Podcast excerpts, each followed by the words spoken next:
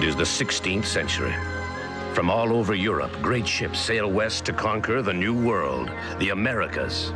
The men eager to seek their fortune, to find new adventures in new lands. They long to cross uncharted seas and discover unknown countries, to find secret gold on a mountain trail high in the Andes.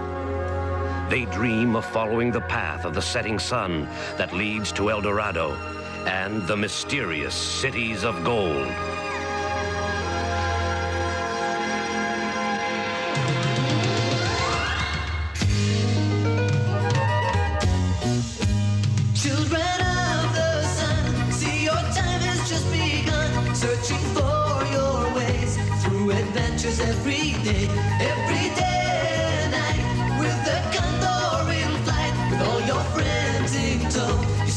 Cities of gold.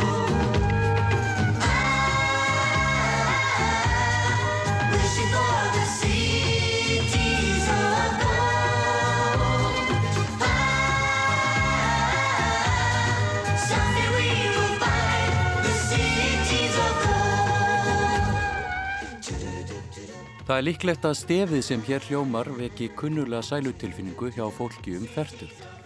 Það var nefnilega klukkan 18.30 laugadaginn 16. mæ 1987 sem það barst fyrst úr sjónvarsviðtækjum á Íslandi og ómaði í stofum landsmanna marga laugadaga upp frá því.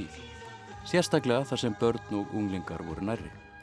Við sátum sem límt við skjáin, hver hálftíma þáttur var helgistund.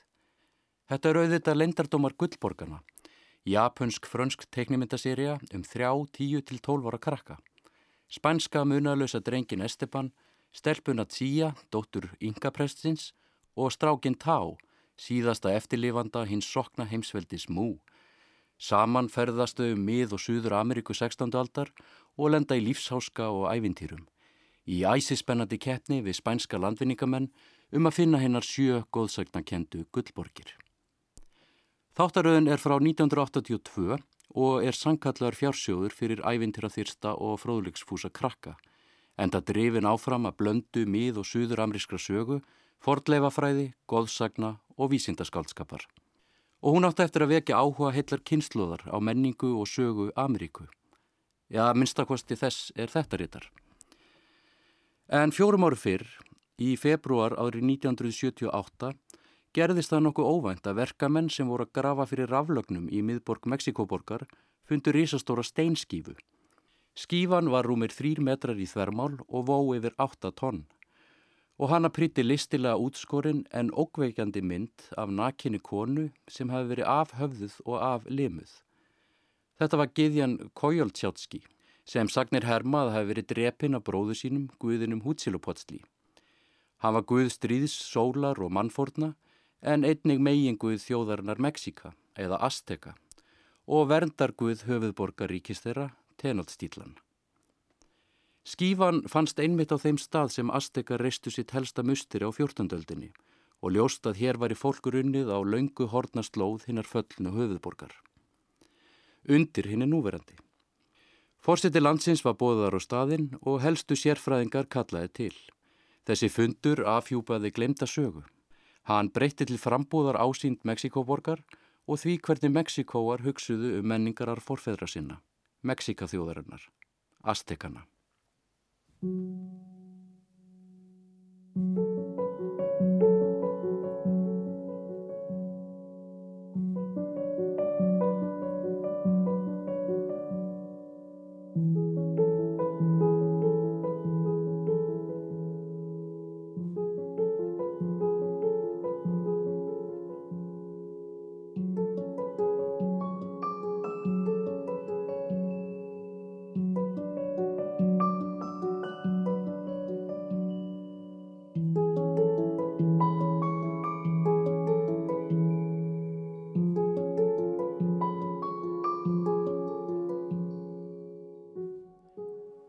Kæri hlustandi, í síðasta þætti blóðudrifinar byggingalistar voru við á milli fljótana í Mesopotamíu og litum á hvernig hinn svokallaða vakka síðmenningar hefur verið vanvirt í gegnum tíðina.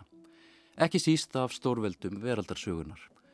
Við skoðum fordleifa uppgröft og spáðum í hvernig menningararfurinn hefur verið notaður við byggingu ríkisvalds og sjálfsmyndar.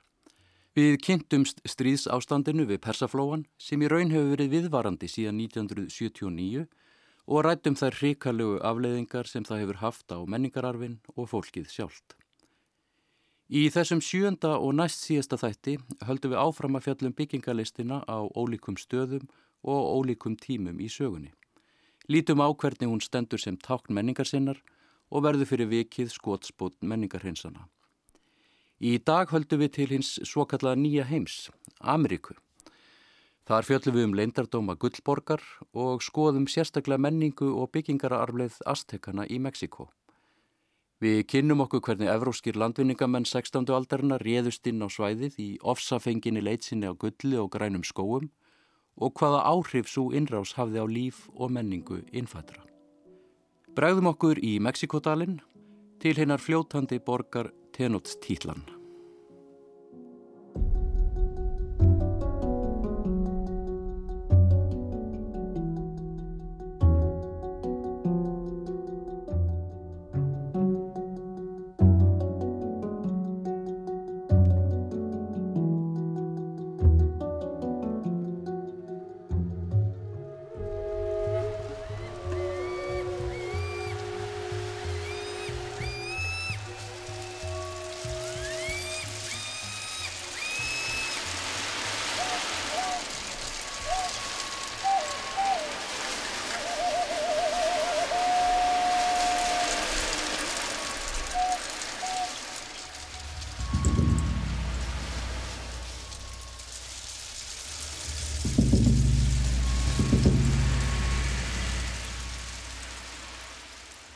Mexíkodalurinn er svo háslétta sem nú er að stórum hluta þakin henni gríðar stóru Mexíkoborg, höfuðborg ríkisins Mexíkó. Dalurinn er í um 2200 metra hæð og er umkringdur fjöllum og eldfjöllum sem sum hver ná vel yfir 5000 metra. Í dalnum eru mikilvægustu borgir Mexíkó og hér búa 22 miljónir af þeim 130 miljónum íbúa sem landið byggja. Svæðið er þannig meðal stærstu borgarsamfélaga heims. Mexíkodalurinn er um 7000 ferkilometrar, sjösinnum stærri en samanlögð sveitafélögin á höfuborgarsvæði Íslands. Hér þögtu voldug stöðuvöpp mikinn hluta landsins fyrir á tíð og tóku við úrkomu og snjóbráð úr nærlegjandi fjöllum. Vötnin hafa tekið stakka skiptum á hennum ímsu tímabilum í jarðsögunni og ímist minkað eða stækkað af náttúrunar völdum. Manneskjan hefur líka reynda stjórna vassmagni og flóðum með því að veita vatni um skurði og byggja varnargarða. Eftir landnám Spánveri á 16. öld og mikinn vöxtu Mexikoborgar í kjölfarið hafa vötnin að mestu verið þurkuð upp. Í dag er vatni úr Mexikodalnum veitt um árnar Tula og Panuco sem renna til sjávar í Mexikoflóa. Lífræðileg fjölbreytni er mikil í dalnum, svo sem í fugglalífi. Graslendi og runnagróður er ríkjandi og landið um aldir verið ákjósanlegt til landbúnaðar. Efnahagur hefur verið á uppleið en komið niður á umhverfinu. Uppþornað landið hefur slæm áhrif á loftslag og loftmengun frá þjættbíli, yðnaði og samgöngum verið gríðarleg. Árnar eru mengaðar með þrárensli frá yðnaði og íbúum og stórlega hefur verið gengið á hrein vassból, landbúnaðarland og skóa. Íbúum Mexikoborgar stafar einnig hætta af öflugum jarðskjáltum og þar sem borgin kvílir að mestu á mjúkum setlögum uppþornaðra vassbotna verða áhrif skjáltana oft verri en ella.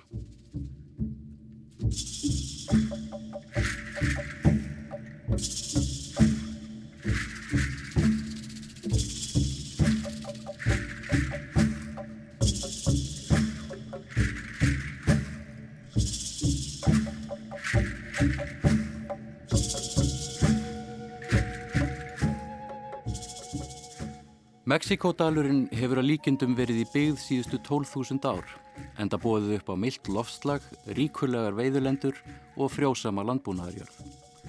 Á meðal menningarsamfélag sem risið hafi dalnum eru Teotihuacan fólkið, frá um 800 fyrir Krist og til um 800 eftir Krist, Toltekar á 10. til 13. öld eftir Krist og Aztekar frá 14. til 16. aldar.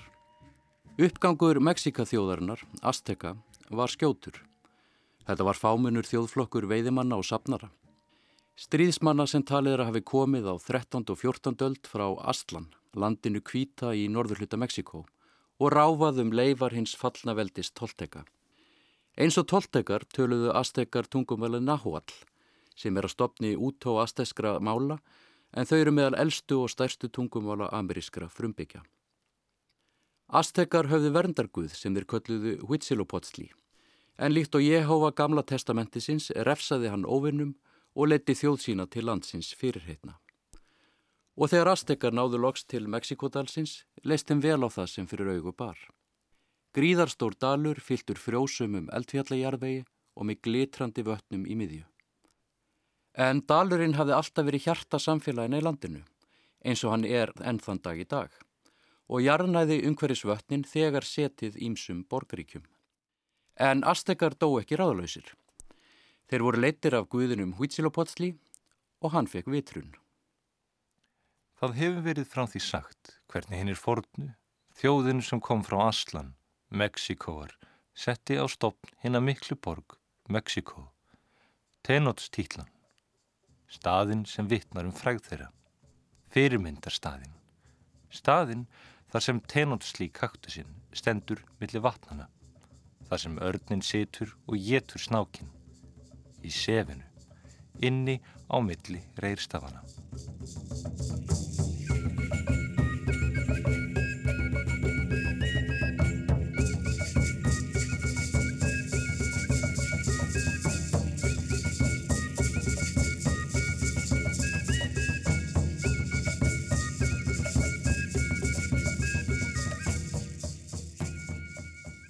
Vitrun Huitzilopochtli og stopnun borgarinnar var laungu síðar færði letur í ljóðabolki á tungumáli innfætra, Nahuatl. Sankvært ljóðinu átti Guðinu hafa leitt þjóð astekað staðnum þar sem hann hefði séð örn sitjand upp á kaktus að gæða sér á snáki. Á þessum stað skildu þeir byggja borg sína. Þetta er mjög myndra en lýsing en örnin, snákin og kaktusinn má í dag sjá í skjaldarmerki Mexiko og þjóðfána. Staðurinn, sem merkilegt nokk var sá eini sem var á lausu á svæðinu, var á tveimur votlendum eigum út í vatninu Tetskókó, stærsta stöðu vatninu í Mexikotalunum. Og þarna stopnuðu sem sé Aztekar borg sína um 1325. Aztekar voru í byrjun hóverir. Þeir fiskuðu og unnu fyrir sér sem málaliðar í styrjöldum milli hinna borgaríkjana, en uksu fljótt geskjöfum sínum yfir höfuð. Með kænsku teldu þeir yfirbóðurinn sínum hverjum gegn öðrum og tengdust konunglegri blóðlínu gömlu tóltekana í gegnum hjónabönd. Og af miklu hugviti stækkuðu þeir brátt eigjar sínar og gerðu landfyllingar, svo kalla fljótandi garda, þar sem rækta mátti mæs, grænmeti og blóm. En þráttur í velgengnið bar snemma á því að hluti hópsins vildi sjálfstæði. Því þróðust landnemabiðurnar á næstu árum í tvær stórar borgir, Tenútstítlan og Tlatelolko, einnig þekktar sem Mexiko.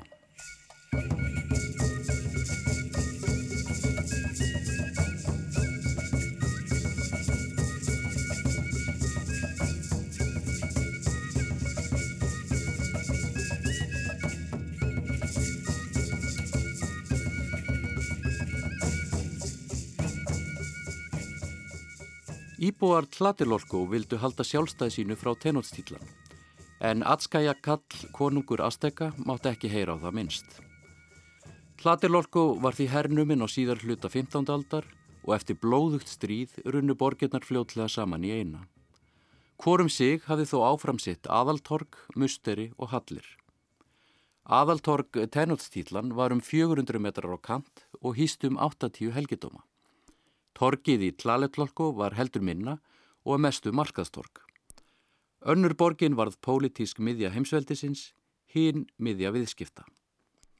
Yfir miðri tenótstítlan gnæfði megin píramíti borgana, um 60 metra hár með flötum toppi og krýndur tveimur musterum til dýrðar Huitzilopochtli og Tlalok, guðum stríðs og sólar, vats og frjósemi.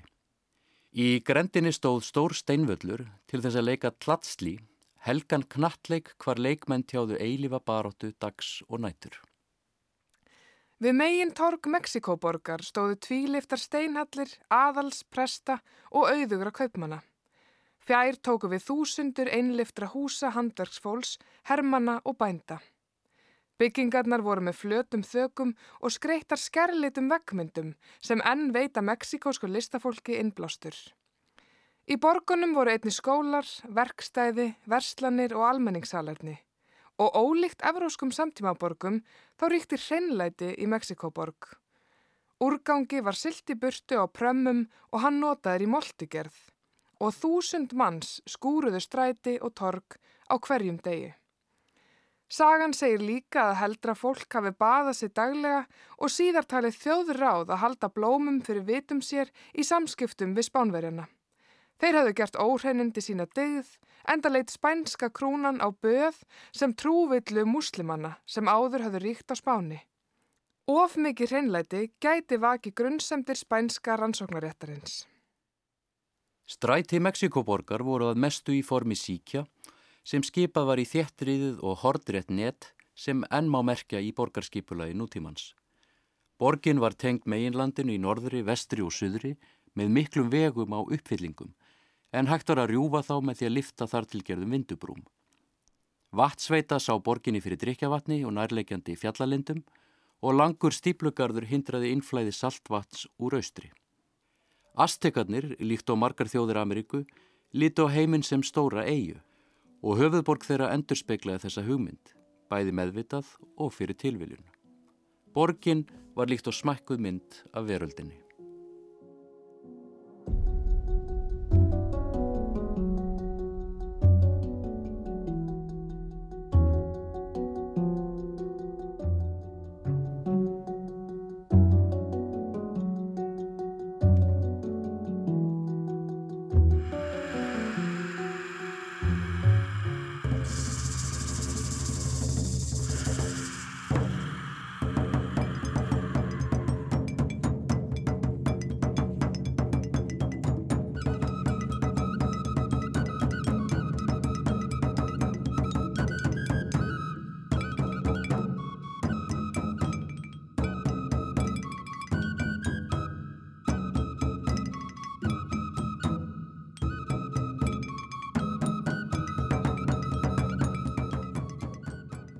Veldi Azteka reys hratt og í byrjun 16. aldar var Mexiko orðin mikilfengleri en nokkur borg tóltekana hafi verið. Aztekar voru orðin ráðandi afli í þryggjaríkja bandalegi við nágrannaríkin Texcoco og Tlacopan og þöndu veldi sitt út með hernámi og viðskiptum. Um 1519 er talið að ríkið hafi náði verið alltaf fjögur til 500 smæri ríki á um 220.000 ferkilometra svæði í mið Mexiko rúmlega tvöfaldastærð Íslands. Heimildir segja íbúa hafa verið 5-6 miljónir og um 2-400.000 manns í sjálfri Mexikoborg á um 13 ferkilometra svæði. Þar með var borgin svo þjettbílasta af öllum samfélögum Ameríku fyrir tíma spánverja. Ríki Azteka var stjórnað með hardri hendi og ofur áhersla lögð á digðir hernaðar. Það var því vænlegt að veðja á stríðsmennsku vildu menn klífa metorðastegan í hennu mjög svo stjettskipta kerfi. Á botninum voru þrælar, vinnufólk og leiguliðar. Á toppnum tróndi konungur, prestastjett og embætismenn. Guðirnir þar fyrir ofan. Trúin skipaði mikilvægan sess í lífi Azteka með stríðs- og sólguðin Huitzilopochtli í öndvegi og til að halda heiminum saman og tryggja viðgang mannkynsins í eilifri baróttu guðana gegn myrkrinu þurfti að næra þá á blóði. Þeir kröfðust mannfórna. Fórturnar voru hluti af helgi síðadagatali Azteka og meðal annars framkvæmdar upp á hennu mikla píramita í tenútstílan, höfuð musturinu. Þar skáru prestarnir hjörtun úr fórnarlömbunum, stundum stríðsfengum og heldu þeim sláandi í loft upp guðunum til dýrðar. Líkomum var veld niður tröppur píramítans, þeir hlutæri sundur og gefnir sem fornargjafir. Höfuðinn tóku prestatnir og verkuðu þar til ekkit var eftir nema höfuð kúputnar. Þær þrættuður upp á langar stangir og komið fyrir í svokvöldum Tsompanti hauskúpuveggjum sem risu við rætur hins mikla píramíta. Aztekar vildu seðja hungra guðu sína og sangkvæmt trúni gaf þessi dauði lífinu meiningu. Hann var hluti af hringrásinni og fórnalömpun öðlust sérstakann virðingasess í eftirlífinu.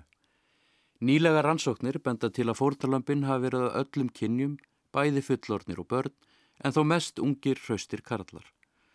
Það er deilt um umfangið og hlaupa tölur um árlegar mannfórnir á bílunu 20.000 til 250.000. Hvað sem því líður er ljóst að mannfórnir voru snar þáttur í menningu Azteka.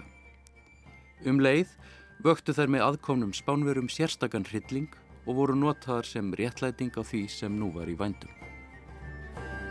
Rodrigo Martínez alla sanzare sai pensando che eran martas silvaban a las Rodrigo Martínez Adanga arrivido Rodrigo Martínez Adanga arrivido Árið 1519 höfðu spænsku landinningamennir þegar komið í kjölfar Kolumbusar og tekið karabísku eigarnar.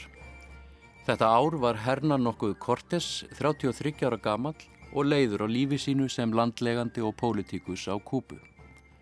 Spánverjar höfðu nokkru áður ráðist inn í ríki Maja á Yucatanskaga, Mexiko og beðið ósigur en Cortés einsetti sér að breyta því. Hann var sterkbyggður, ríkur og metnaðgjart og lægin við að fá sínu framgengt í lífinu. Með leifi landstjórans á Kúpu undirbjó hann því mun stærri leiðangur en áður hafði sérst. Með 11 skip, 600 spánverja, 200 kúpverja, afríska þræla hesta, fallbissur, framhlaðninga, lásboga og árásarhunda.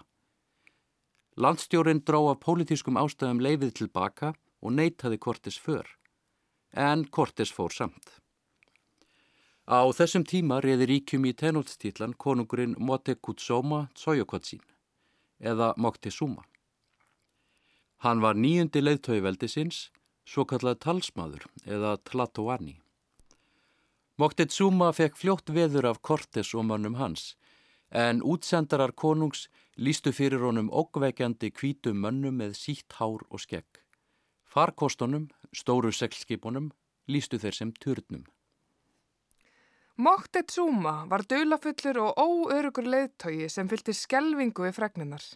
Hann var sannfærður um að hér væri gamall spádómur að rætast. Um endurkomu hins forna guðs kvettsalkvall hins fyrraða snáks.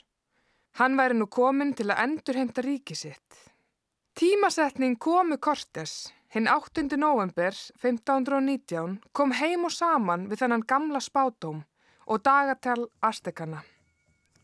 Moctezuma byrjaði því á að færa hinnum framandi gestum gafir og bjóða Kortes að snúa aftur og taka við sínum konunglegu höllum og landi í tenóttstýtlan.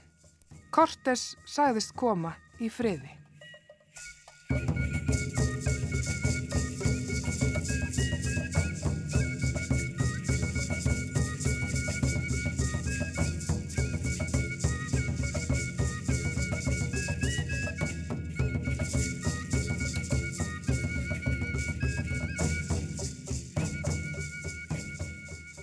Spánverjarnir trúðu vart sínum eigin augum þegar þeir hófu innreið sína í tenótstílan.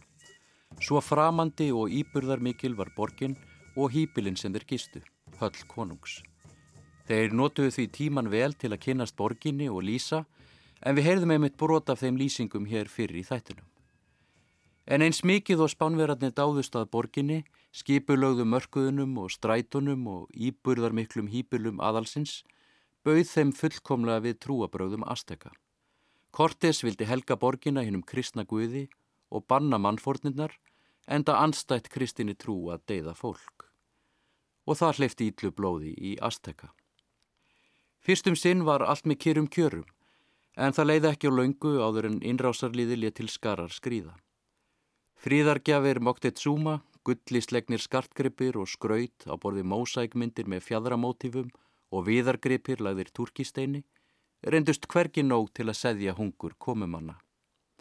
Cortés var vissum að Mexiko var í full af gulli og hann vildi það allt, fyrir sjálfan sig og Karl V keisara hins heilaga rómverska veldis og konung spánar.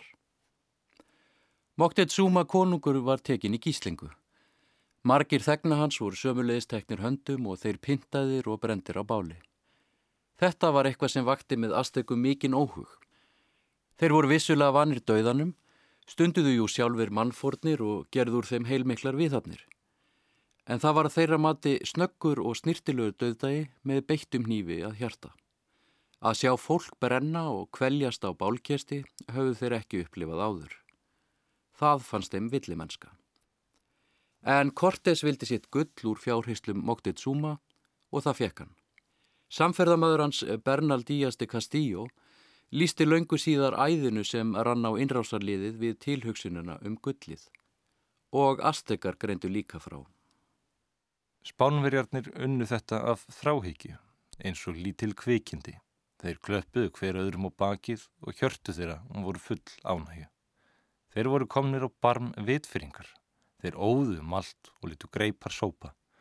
Þeir voru gjörsamlega heldteknir græðki Þeir flettu gullinu undir eins af skjöldum og skjaldarmerkjum og hendu því í stóran gullhaug. Svo kveiktu þeir í öllu hinu. Sama hversu vermætt það var, þeir brendu allt. Þeir brættu gullið og steittur því stangir. Og af jaðisteinum og smarðum tóku þeir einungist það sem þeir töldu líta vel út.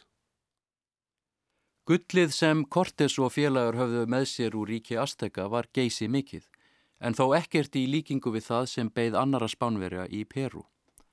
Talið er að gullið hafi veið um 19.600 únsur og að miða við einfaldan reikning á gengi gulls á heimsmarkaði í júni 2019 má ætla að Cortés fengi fyrir það vel á fjórða miljard íslenskara króna. Því skildi þó ekki gleima að kaupmáttur gullsins hefur líklega verið miklu meiri í Evrópu fyrir 500 árum síðan.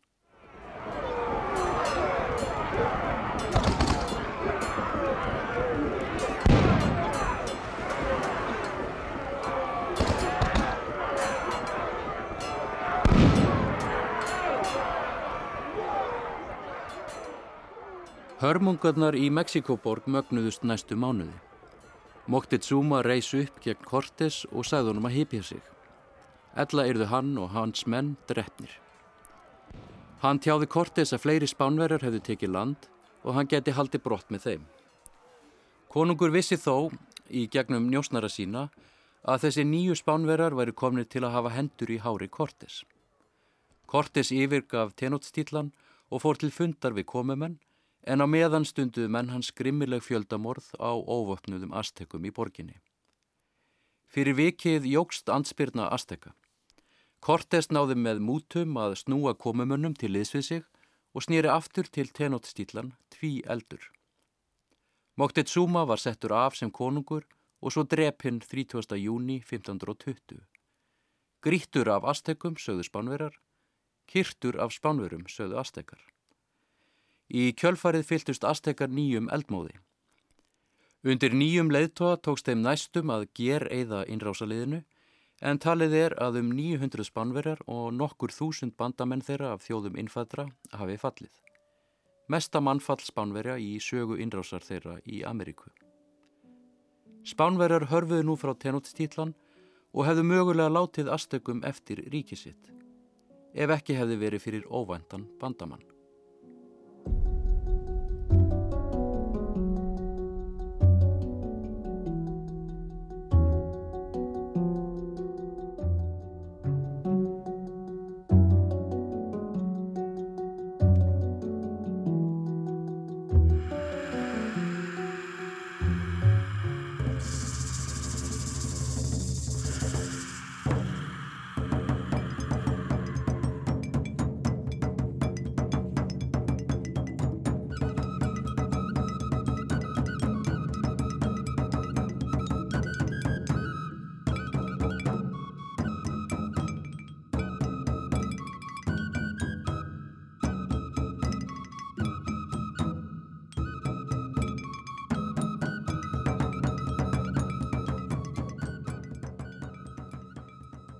Eftir að spánverjarnir yfirgáfi Mexikoborg og áður en þeir höfðu undirbúið nýja árás, lagðist á okkur mikil pláa.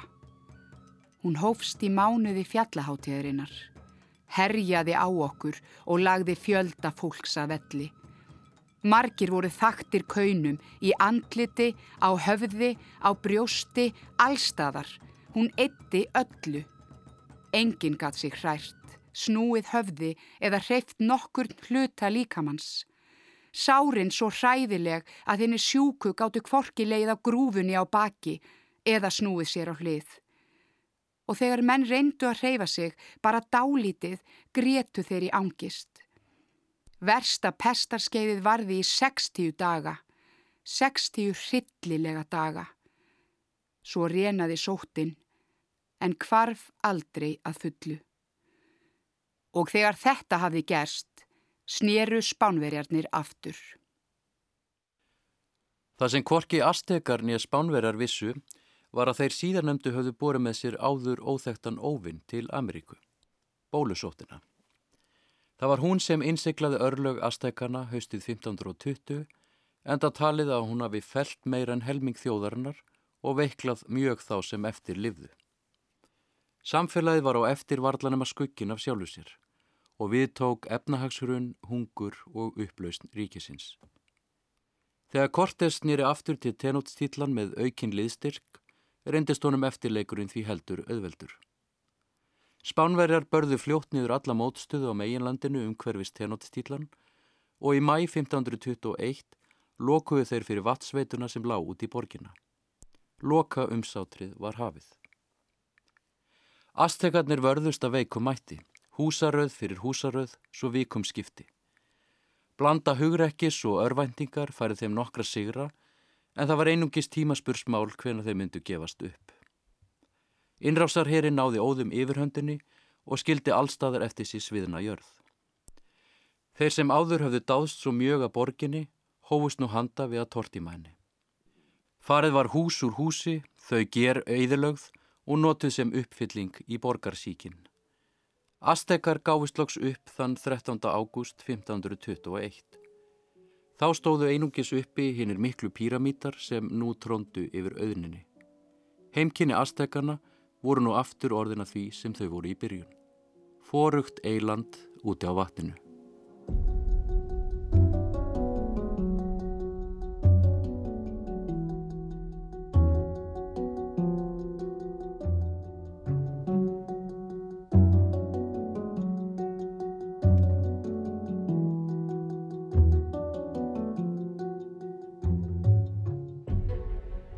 Eins og oft þegar fjallaður um fortíðina og þá sérstaklega tölur ber heimildum ekki alltaf saman. Þannig er talið að eitthvað á bylinu 100 til 240.000 manns hafi verið drepinn við fall tenóttstílan. Þar af að minnstakosti 40.000 óbreyttir borgarar. Spánverjar mistu líklega um 100 manns en alltaf 1800 í sinni tveggjára herrferð gegn Aztekum.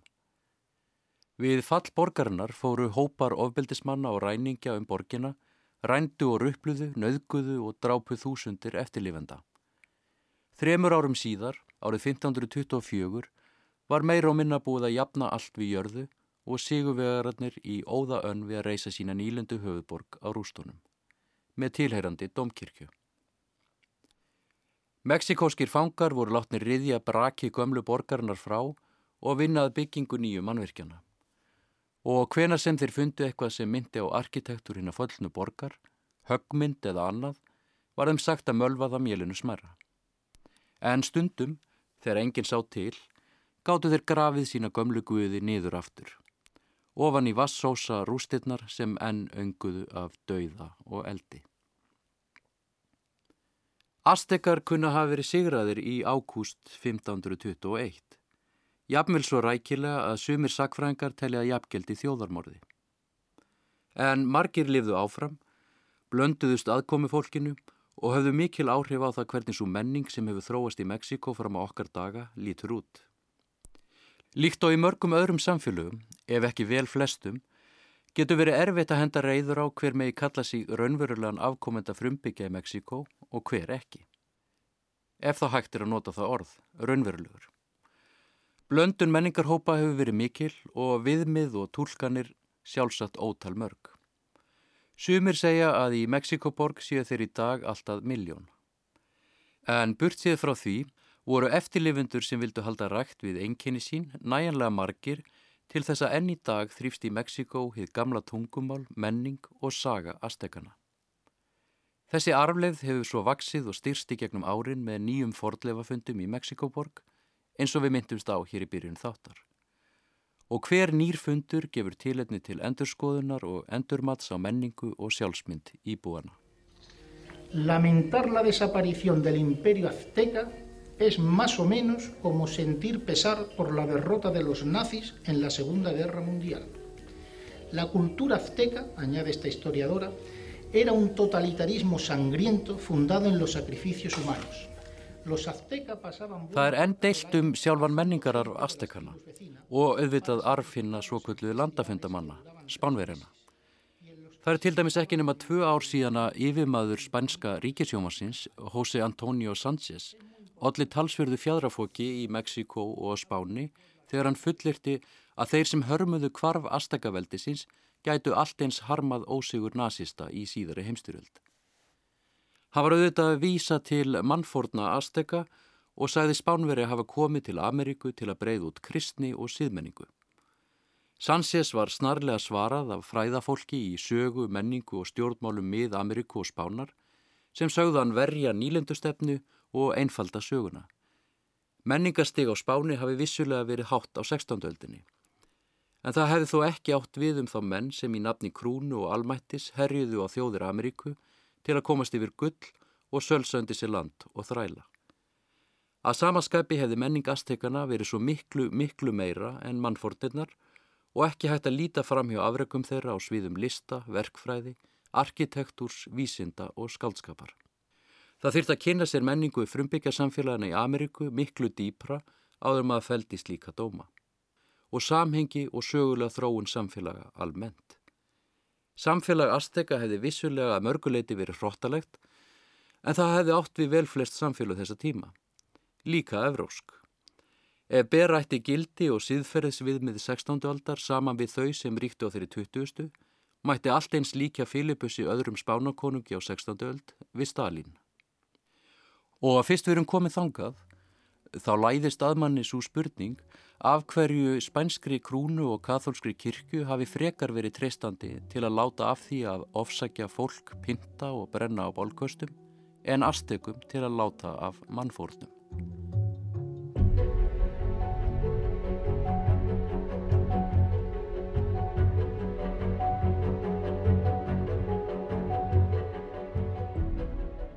Kæri hlustandi, við hveðjum nú leindardóma gullborgarna, Mexiko og Azteka og höldum til miðjararhafsins, þar sem við höldum til í lokaþætti blóðidrifinar byggingarlistar. Af því tilefni gæti maður fristast til að leggja það til svona lokum að við legðum Karþagó í eyði. En við erum nú ekki svo ílviljuð. Meira um það í næstu viku.